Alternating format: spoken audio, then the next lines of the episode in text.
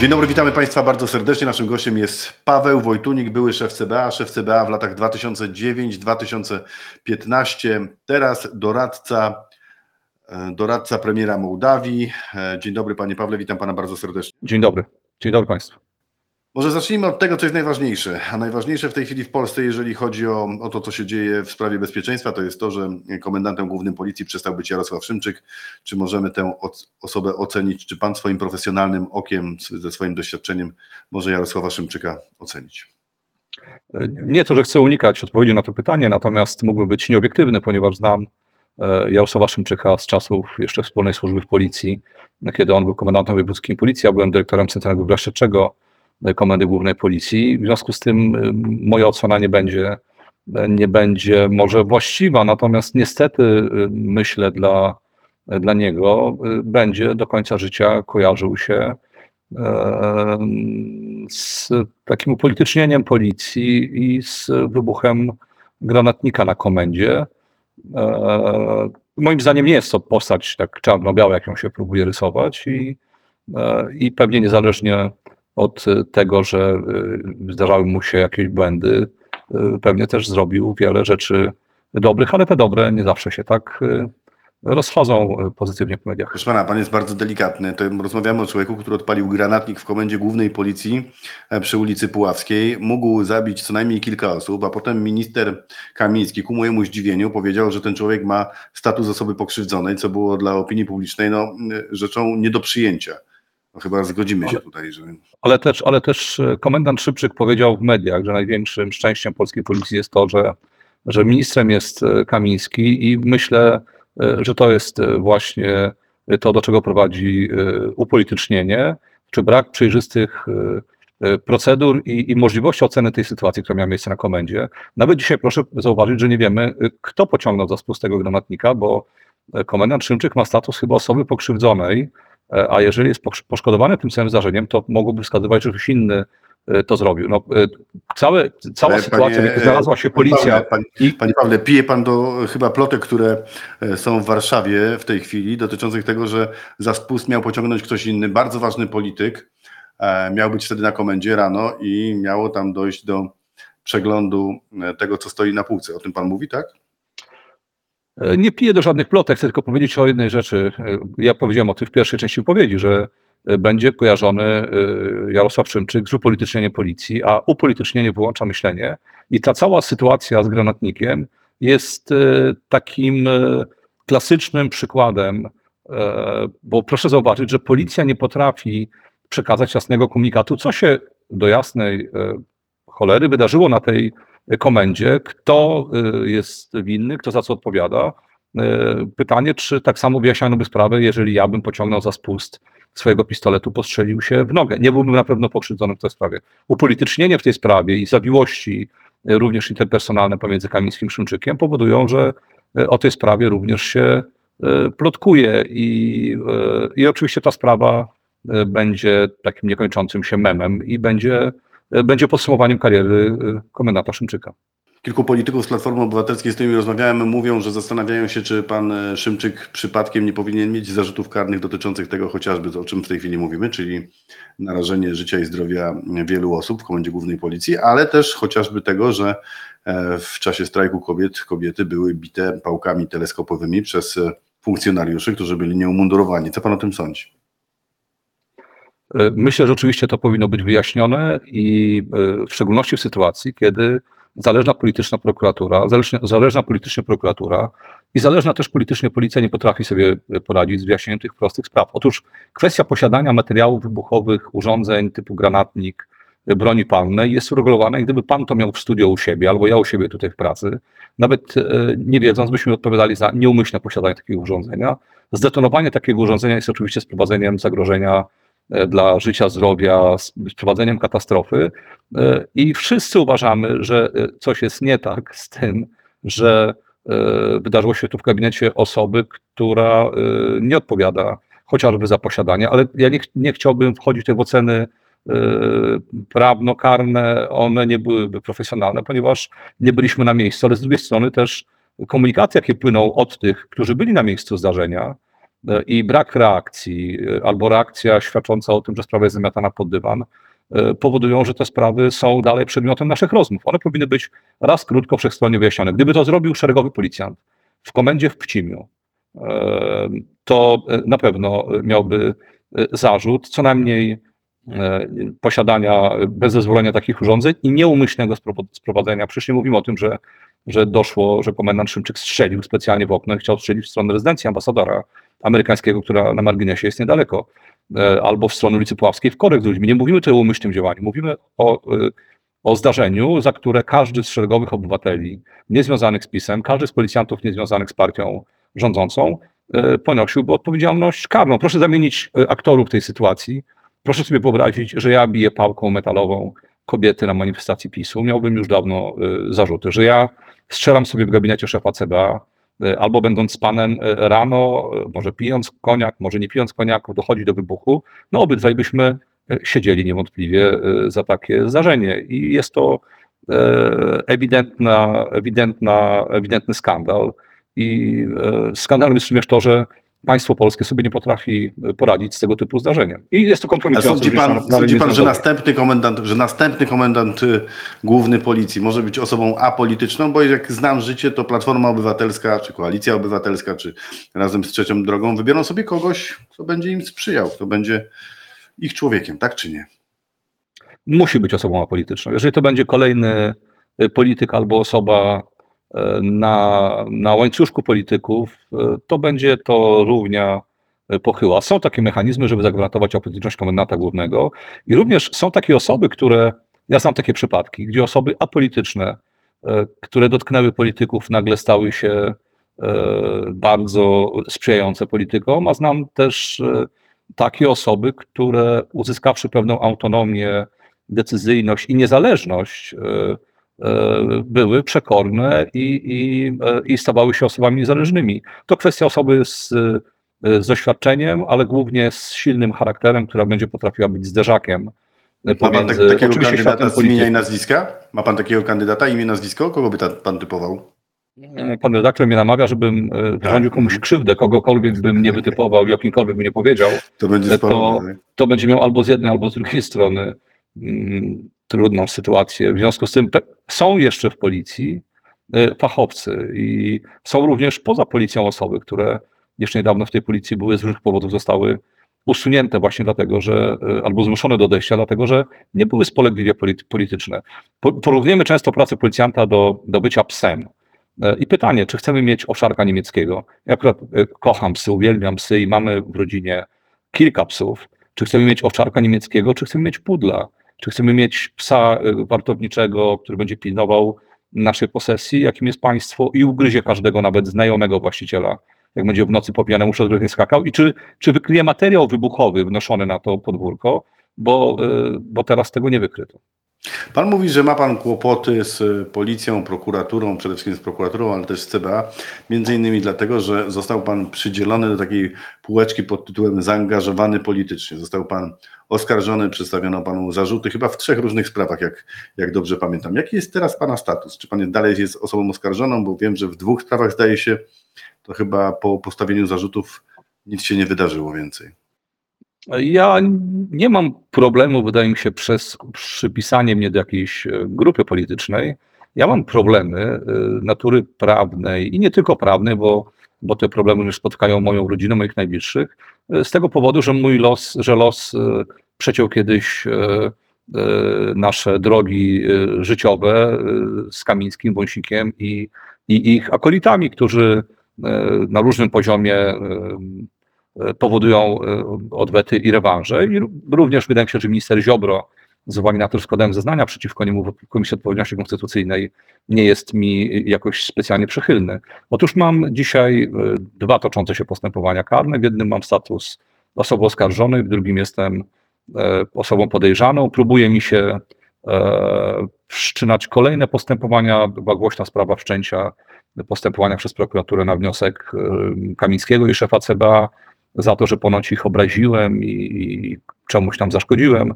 Ja traktuję to, wszystkie te sprawy są sprawami, y, mówiąc w języku takim kolokwialnym, inne, inne słowo mnie przychodzi do głowy, dętymi, szytymi, drukowanymi po to, żeby y, gonić królika, y, a nie go złapać, bo po, pierwsze postępowanie, w którym e, mam status oskarżonego, dotyczy tego, że niby nie zawiadomiłem, nie zawiadomiłem prokuratury o przestępstwie mojego podwładnego, co biuro uczyniło, kiedy byłem jego szefem i ta sprawa toczy się od 2017 roku. W związku z tym przyzna pan, że e, no, albo jestem super e, przestępcą i, i demonem zbrodni e, i unikam bardzo sprytnej odpowiedzialności karnej, albo po prostu organy państwa są nie tyle nieudolne, co, co e, pracują z dowodami, pracują z materiałem, który nie ma szansy na powodzenia, na powodzenie i na, na ukaranie mnie. No bo Ale pana, pana najnowsza wypowiedź sprawiła, że ma pan kłopoty, albo będzie miał pan kłopoty. Prokuratura prawdopodobnie postawi panu zarzuty z artykułu 212. O tym właśnie mówił e, minister Mariusz Kamiński, a pana wypowiedź dotyczyła czego? Tego, że dowiedział się pan z kilku różnych źródeł o spotkaniu w ośrodku szkoleniowo-konferencyjnym CBA w Lucieniu, to jest mazowieckie, podczas którego miały zapaść decyzje o masowym stosowaniu kontroli operacyjnej wobec przedstawicieli ugrupowań opozycyjnych. Tak pan słyszał z kilku ust, tak pan twierdzi. CBA zareagowało niezwykle gwałtownie, wydało oświadczenia, bardzo gwałtownie, też ku mojemu zdziwieniu zareagował sam Mariusz Kamiński, który powiedział, że to jest kłamstwo, że niczego takiego nie było. Pan co prawda zadawał to pytanie jako kwestię otwartą, że nie ma pan potwierdzenia i że mogą to wyjaśnić właśnie między innymi politycy, że mogą to wyjaśnić prokuratorzy, że może to wyjaśnić policja. Sprawa jest otwarta. Czy chciałby pan powiedzieć o jakichś detalach dotyczących tego, kto panu to mówił? Czy to nie jest plotka? Bo CBA mówi, on mówi to specjalnie, Wojtunik mówi to specjalnie, żeby się na nas zemścić, kto wie, czy on tego nie wymyślił. Czy może pan uprawdopodobnić jakoś tę informację? E, Nie powiem e, w chwili obecnej nic więcej, e, po to, żeby nie narażać dodatkowo osób, które, które mi o tym powiedziały. Zresztą wszczęcie prokuratu- y, przez prokuraturę postępowania też ma na celu y, wystraszenie i, i, i zablokowanie chociażby mojej komunikacji e, telefonicznej w tej sprawie, bo niewątpliwie wszczęcie takiego postępowania ma również swoje, swoje pewne cele, ma tworzyć pewne możliwości operacyjne No tak, weryfikowania ale to, to jest na kilka dni, ale, ale, to, jest, ale proszę, to jest na kilka dni. Za kilka dni prawdopodobnie kto inny będzie szefem Ministerstwa Spraw Wewnętrznych, kto inny będzie rządził CBA, o ile w ogóle CBA e, będzie, więc te działania... nie, nie będzie, panie redaktorze, nie będzie kto inny rządził e, CBA, ponieważ szef CBA e, ma kadencję do maja przyszłego roku, chyba że ktoś zastosuje manewr, e, jaki zastosowano wobec mnie, czyli odbierze szefowi CBA poświadczenia bezpieczeństwa, co też jest e, pewnie możliwe. E, Natomiast powiedział pan o jednej rzeczy, która wszystkim chyba umknęła, jak zareagowało na to CBA i koordynator Kamiński e, i Wąsik. Otóż e, powiedzieli zarzucili mi kłamstwo, nawet ktoś powiedział, że ponoć robię to po to, żeby wrócić do, do służby i kimś zostać w Polsce. Jak pan widzi, nigdzie nie wracam i nikim nie zostaję. I wreszcie raczej wypadałoby, żeby ci panowie chociażby upewnili się, czy takie spotkanie miało miejsce, o czym rozmawiano i co uzgadniano, bo wydaje się, że nie mieli czasu tego zrobić. I taka e, ślepy atak e, i, i taka obrona przez kontratak e, jest mało wiarygodna.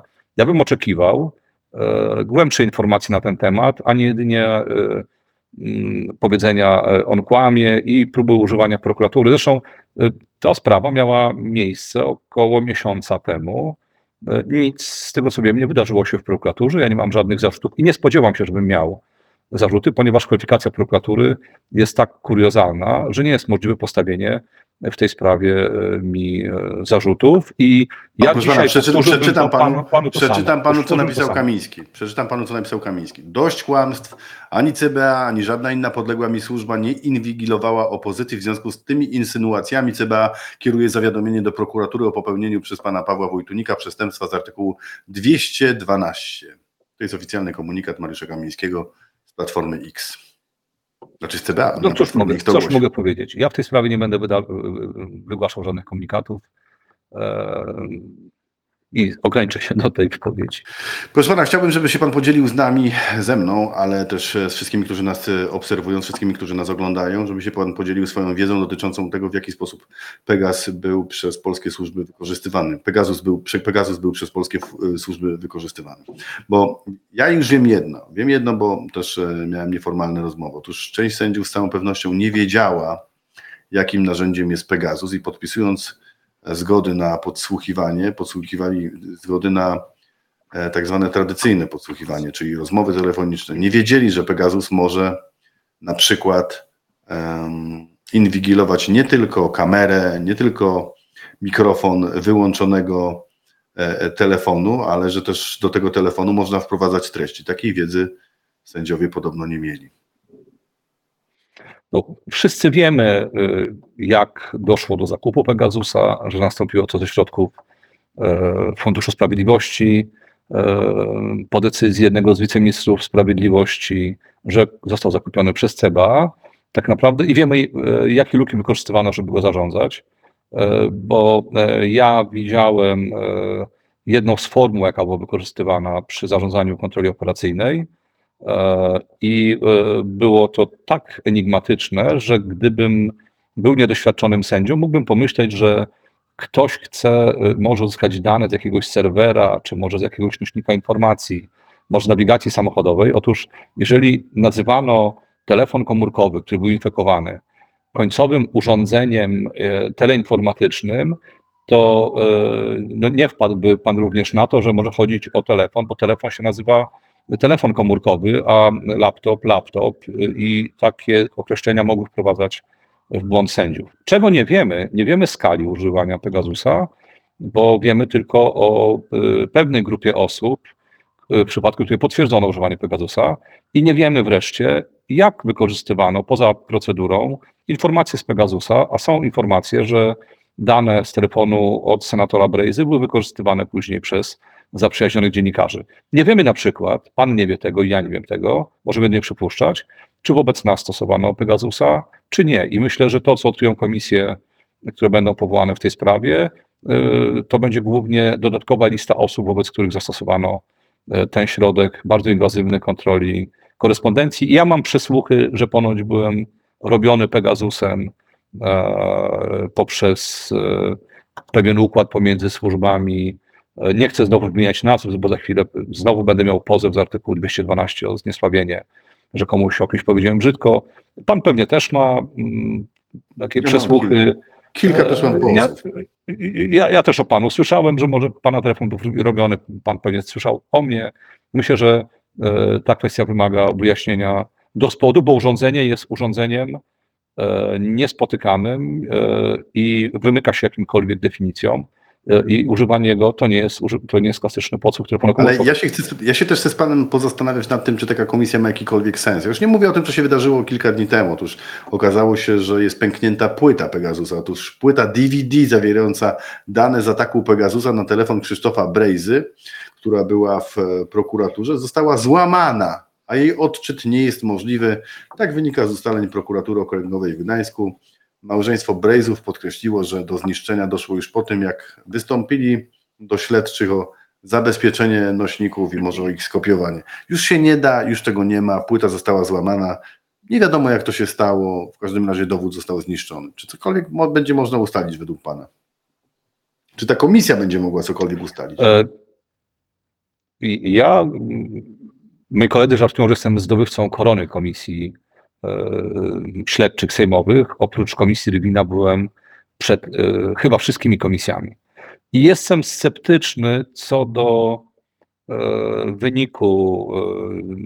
Tak można z góry założyć, że działanie komisji śledczej będzie też działaniem medialnym, będzie nacechowane oczywiście temperamentami poszczególnych posłów, będzie trampoliną do karier i na koniec, na koniec może będziemy rozczarowaniami rozczarowani ostrością ustaleń komisji. Natomiast komisja śledcza sejmowa jest dzisiaj jedynym niezależnym e, narzędziem do zbadania tego typu sprawy. Dlaczego?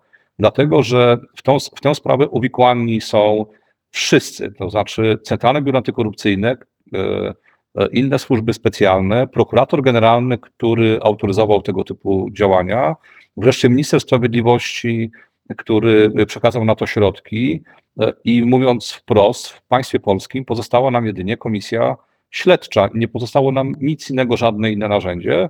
Stąd należy ufać, że to narzędzie odkryje więcej, może nie wszystko, ale odkryje więcej, jeżeli chodzi o Pegasusa. A co do płyty, e, to myślę, że mamy chyba wspólne doświadczenia podobne e, z młodości.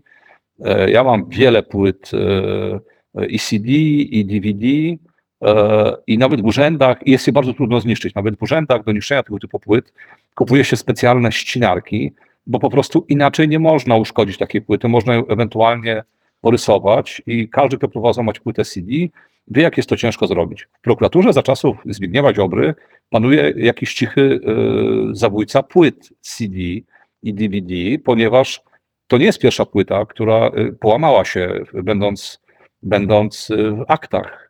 Nie wiem, co z tymi płytami robiono, ale połamała się też płyta z afery podsłuchowej. Y, Parę płyt się połamało y, za kadencji obecnego prokuratora generalnego i one się łamią, łamią się w prokuraturze. I, i, i to jest y, kolejny element, element, tego skandalu. Co się dzieje z informacjami zgromadzonymi w ramach Pegasusa, jak się je wykorzystuje albo jak się je niszczy. Pan osobiście zna tak zwanego agenta Tomka, Tomka Kaczmarka, Tomasza Kaczmarka. Ja też znam, ale Tomasz Kaczmarek występuje teraz w nowej roli, chce zostać świadkiem koronnym. A Powiedział jak go pan oficjalnie... poznał? Rozpracowywał, rozpracowywał pana, jak go pan poznał. Nie. Także pan go znał. Bo ja go znam zawodowo.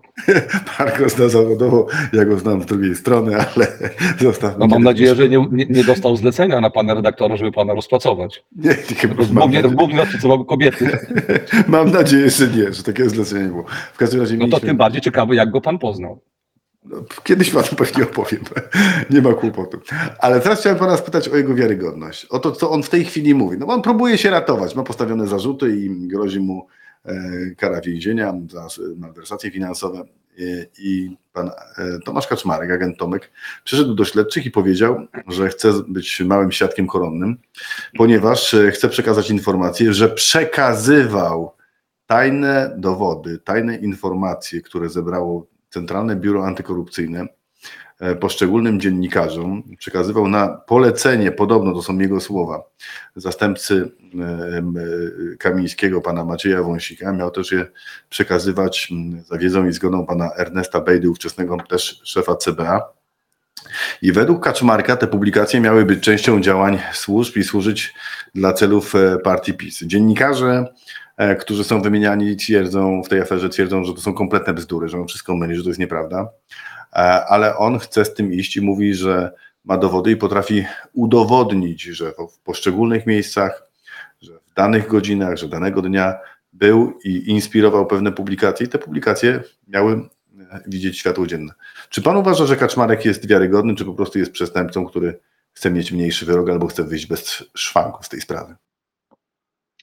Uważam, że jest wiarygodny w tej sprawie e, i, e, i nie myślę, żeby jego motywacją było ratowanie się przed jakimś postępowaniem, ponieważ on, e, zeznając w prokuraturze o przestępstwach, w których brał udział, opisując no, działanie prawie że zorganizowanej grupy przestępczej, gdzie jest podział na role, dyscyplina i, i zależności wykraczające e, poza, poza jednorazowe przestępstwo, on ściąga na siebie kolejne postępowanie przygotowawcze, ponieważ on przyznaje się do kolejnych przestępstw, do przekazywania informacji niejawnych, w których brał udział. W związku z tym e, to nie jest tak, że on ucieka przed odpowiedzialnością karną, moim zdaniem.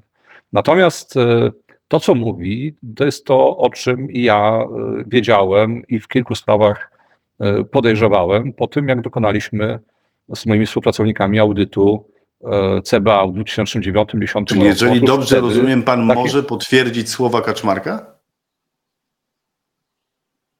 W części tak, ponieważ to, co on mówi teraz, my ujawnialiśmy i, i udokumentowaliśmy w 2009-2010 roku. Otóż wtedy doszło do e, wycieku materiałów z kontroli operacyjnej z CBA, publikacji ich przez jednego z dziennikarzy, który również jest teraz wymieniany przez, e, przez Kaczmarka. E, I wiedzieliśmy o tego typu praktykach. e, mm, Nawet poszukując informacji, e, nawet e, no, prokuratura była bliska wskazania, e, wskazania sprawcy, ale z uwagi chyba na grupowy dział, charakter działania tych osób nie udało się wyodrębnić tej, tej konkretnej, która przekazała informacje dziennikarzom. E, I, I będzie to bardzo proste do potwierdzenia. E, Z jednej strony proste i trudne, e, bo trudne przez upływ czasu, bo Kaczmarek mówi o sytuacjach, które miały miejsce dawno, dawno temu, w związku z tym ciężko będzie lokalizować telefony, pobierać billingi, odtwarzać monitoring, ale bardzo proste, poprzez e, prostą metodę analizy porównawczej materiałów, jakie były wówczas wytwarzane, te, o których mówi Kaczmarek, i materiałów, jakie były publikowane. Pan jako doświadczony dziennikarz wie, e, że jest to e, dosyć proste, że ktoś sobie nie zadał trudu, nie dochował pewnej staranności, nie pozmieniał treści dokumentów, to będzie to łatwo, łatwo ustalić. Ja myślę, że dla wszystkich jest oczywistością, że po pierwsze materiały ze służb w ciągu ostatnich lat ciekną masowo do zaprzyjaźnionych dziennikarzy i jest jeszcze jeden element e, potwierdzający e, tutaj bierność i taką bierną winę tych, którzy za służbę, za służbę odpowiadali. Znaczy ja nie znam ani jednego przypadku, żeby Kamiński, e, jego zastępcy, czy jacyś inni służbowi kumoczy składali zawiadomienia lub wszczynali postępowania służące temu, żeby ustalić źródło przecieku, a jest to obowiązkiem szefa służby, szefa instytucji. Również w 2009 roku, kiedy były przecieki, o których mówię z afery hazardowej, e, nikt z ówczesnych szefów takich działań nie podjął. Dopiero e, ja to robiłem, a niezależnie od tego, czy nam się pewne informacje w mediach e, podobają i pewne wycieki ze służb, to szefem, to obowiązkiem szefa służb i tych, którzy odpowiadają za, za pracę operacyjną, jest uniemożliwianie przecieków jakichkolwiek, w tym do dziennikarzy, i, e, i uszczelnianie służby i ściganie tych, którzy ujawniają informacje. A ja nie znam ani jednego przypadku, aby takie działania miały miejsce w sytuacji publikacji, e, które e, były dokonywane przez dziennikarzy wymienionych przez Kaczmarka. Zresztą reakcja chyba Kamińskiego i innych była podobna jak w sytuacji, o której mówiliśmy wcześniej. Moje wypowiedzi e, to kłamstwo, w ogóle, e, ale brak jest jakiejś takiej ostrej reakcji, a wypadałoby chyba co najmniej złożyć zawiadomienie na Kaczmarkę, jeżeli ktoś uważa, że składa zawiadomienie o przestępstwie nieistniejącym. E, Wypadałoby, żeby ktoś złożył zawiadomienie, mówię oczywiście e, przekornie, e, zawiadomienie o złożeniu zawiadomienia o niepopełnionym przestępstwie, bo to też jest przestępstwo. W związku z tym e, nie mam powodów jakichkolwiek, aby wątpić w możliwość informacji przekazanych przez Kaczmarka. Co więcej, to co wiem z racji swojej służby jako szef CBA, to co widziałem wcześniej, to o czym słyszałem w pełni e, tylko potwierdza i uzupełnia e, A nie sądzi się z tym, pan, co że, powiedział. Co on powiedział. że Kaczmarek po prostu może się mścić, ponieważ no, był zaufaną osobą, a kiedy przestał nią być, dostał zarzuty i mówi, dobrze, jeżeli wy chcecie mnie w ten sposób urządzić, to ja też was urządzę.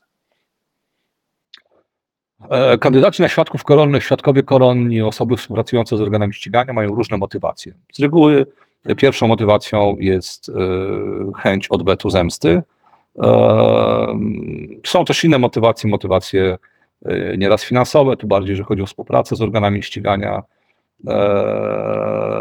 No, myślę, że motywacja ma tutaj znaczenie drugorzędne. Pierwszorzędne znaczenie ma to, czy te informacje są prawdziwe, czy nie. Oprócz tego, że był pan szefem CBA, był pan też na kierowniczych stanowiskach w CBS-u, czyli w takiej formacji, która walczy z prawdziwymi, z prawdziwymi bandziorami. Chciałem pana spytać o tą sytuację, która miała miejsce we Wrocławiu. Zastrzelono dwóch policjantów, zastrzelił ich człowiek, który mm, właściwie miał iść do więzienia na 6 miesięcy e, za drobne oszustwa. Teraz grozi mu dożywocie, które z dużą dozą prawdopodobieństwa dostanie. Ale co w tej sytuacji mnie najbardziej przerażało? Otóż ten człowiek chwalił się w mediach społecznościowych, że jeżeli policjanci do niego przyjdą, to on ich zastrzeli. On to dokładnie mówił. Mówił dokładnie tymi słowami: Jeżeli policjanci do mnie przyjdą, jeżeli będą chcieli mnie zatrzymać, to ja ich zastrzelę. I mimo to policjanci, którzy przyszli go e, no, zatrzymać do prostej sprawy po to, żeby został osadzony w e, więzieniu, e, nie przeszukali. go. Jak to się mogło stać? Trudno mi sobie wyobrazić, y, jak to się mogło stać. E, Skutki są, skutki są krytyczne, bo zginęło dwóch policjantów zastrzelonych przez e, osobę zatrzymaną. Ja nie pamiętam takiej sytuacji w, e, w ostatnich 30 latach e, funkcjonowania polskiej policji. Zdarzały się e, wypadki nieszczęśliwe, wypadki śmiertelne.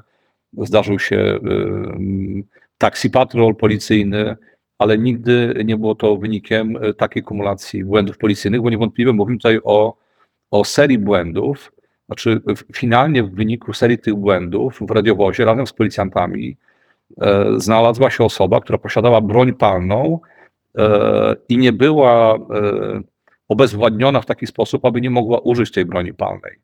E, I oczywiście e, to wszystko porusza opinię publiczną. Mam nadzieję, że, że e, w policji ta sprawa zostanie wyjaśniona i będzie przećwiczona, przetrenowana na wszystkich możliwych szkoleniach, aby się ta sytuacja nie powtórzyła. Natomiast w ogóle niepokojące jest to, co się dzieje z Dolnośląską Policją. Ja pamiętam jako właśnie przełożony policyjny i policjant CBS-u i wcześniej biura PZ, Policja Wrocławska, Komenda Wojewódzka, e, CBS Wrocławski, w ogóle Policja Dolnośląska była jedną z najlepszych policji w Polsce. Stamtąd pochodziły najlepsze sprawy. Tam e, były bardzo silne grupy przestępcze, spirytusowe, narkotykowe, masa wytwórni narkotyków. No, policja sobie radziła e, z tymi sprawami i robiła to świetnie. E, I dla mnie takim smutnym fenomenem jest, co się wydarzyło w Policji Dolnośląskiej w ostatnich latach, dlaczego giną tam e, i zatrzymani, e, i, i w izbach wytrzeźwie, wytrzeźwienia i, i dlaczego giną policjanci. Coś się dzieje niedobrego i wydaje mi się, że nowe kierownictwo policji się powinno bardzo pochylić nad tym, dlaczego, dlaczego tak, się, tak się dzieje. Natomiast e, dla każdego, nie tylko policjanta, ale osoby, która ogląda e, filmy kryminalne, które się interesuje bezpieczeństwem, e, jest jasne, że, że, e, że to e, nie tylko nieszczęśliwy wypadek, ale konsekwencja, e, konsekwencja braku rozpoznania i uchybienia pewnym procedurom. Natomiast po filmie, który nagrała ta osoba w sieci, było tylko możliwe e, mo- możliwy jeden sposób zatrzymania tej osoby. Przez wyspecjalizowany pododdział antyterrorystyczny, bo ta osoba kierowała publicznie groźby wobec policjantów e, i gdyby e, Czyli I generalnie przed zatrzymać zatrzyma- antyterroryści. antyterroryści tak, po takich deklaracjach, jeżeli osoba, która jest poszukiwana listem gończym, mówi, że posiada broń i będzie strzelać, jest to oczywiście przesłanka do y, zatrzymania tej osoby przez Czyli wyspecjalizowany ewidentny pododdział ewidentny błąd policji. tak, antyterrorystyczny. E- Ewidentny, ewidentny błąd policji i e, ja chciałbym jako ob- obywatel e, widzieć bardziej teraz pomoc rodzinie tych policjantów i chciałbym, żeby wszyscy skupili się na tym, nie jak się teraz tłumaczyć, bo pewnie niektórzy czują się winni, nie jak się tłumaczyć, ale po pierwsze rolą policji, kierownictwa policji jest wyjaśnienie tej sprawy, usunięcie nieprawidłowości, pociągnięcie winny, winnych ewentualnych tych nieprawidłowości do, do odpowiedzialności, zadbanie o rodzinę i, e, i wyciągnięcie nauki z tego zdarzenia, które pokazuje, e, że gdzieś e, pomieszało się niedbalstwo, lekkomyślność, może z rutyną, e, a w efekcie tego dwóch policjantów e, zmarło z kulami w głowie. Jeżeli dostanie pan dobrą ofertę pracy w Polsce, wróci pan z Mołdawii? A co to znaczy dzisiaj w Polsce dobra oferta pracy, ponieważ mieszkam od 7 lat w Ja Mołdawii panu i ciężko ja na razie niczego panu nie zaproponuję. Myślę, że ktoś inny ewentualnie mógłby panu coś proponować. Swego czasu dostałem dobrą ofertę pracy z Unii Europejskiej w Mołdawii. Eee, Jak powiedziałem, nigdy się e, nie mówi nigdy. To nie jest e, takie proste, ale jak się pojawią oferty, to wtedy się z panem skonsultuję, czy to dobra, e, czy niedobra oferta. Wtedy może mi pan podpowie. Bardzo panu dziękuję za rozmowę i życzę panu pięknego dnia. Naszym gościem był Paweł Wojtunik, były szef CBA. Dziękuję bardzo. Dziękuję. Tym agentem Tomkiem mnie pan zaintrygował cały czas. To spotkamy muszę, się, panu muszę go zapytać, skąd on. Panu. Opowiem panu. Jeszcze raz dziękuję za rozmowę i wszystkiego dobrego życzę. Do widzenia.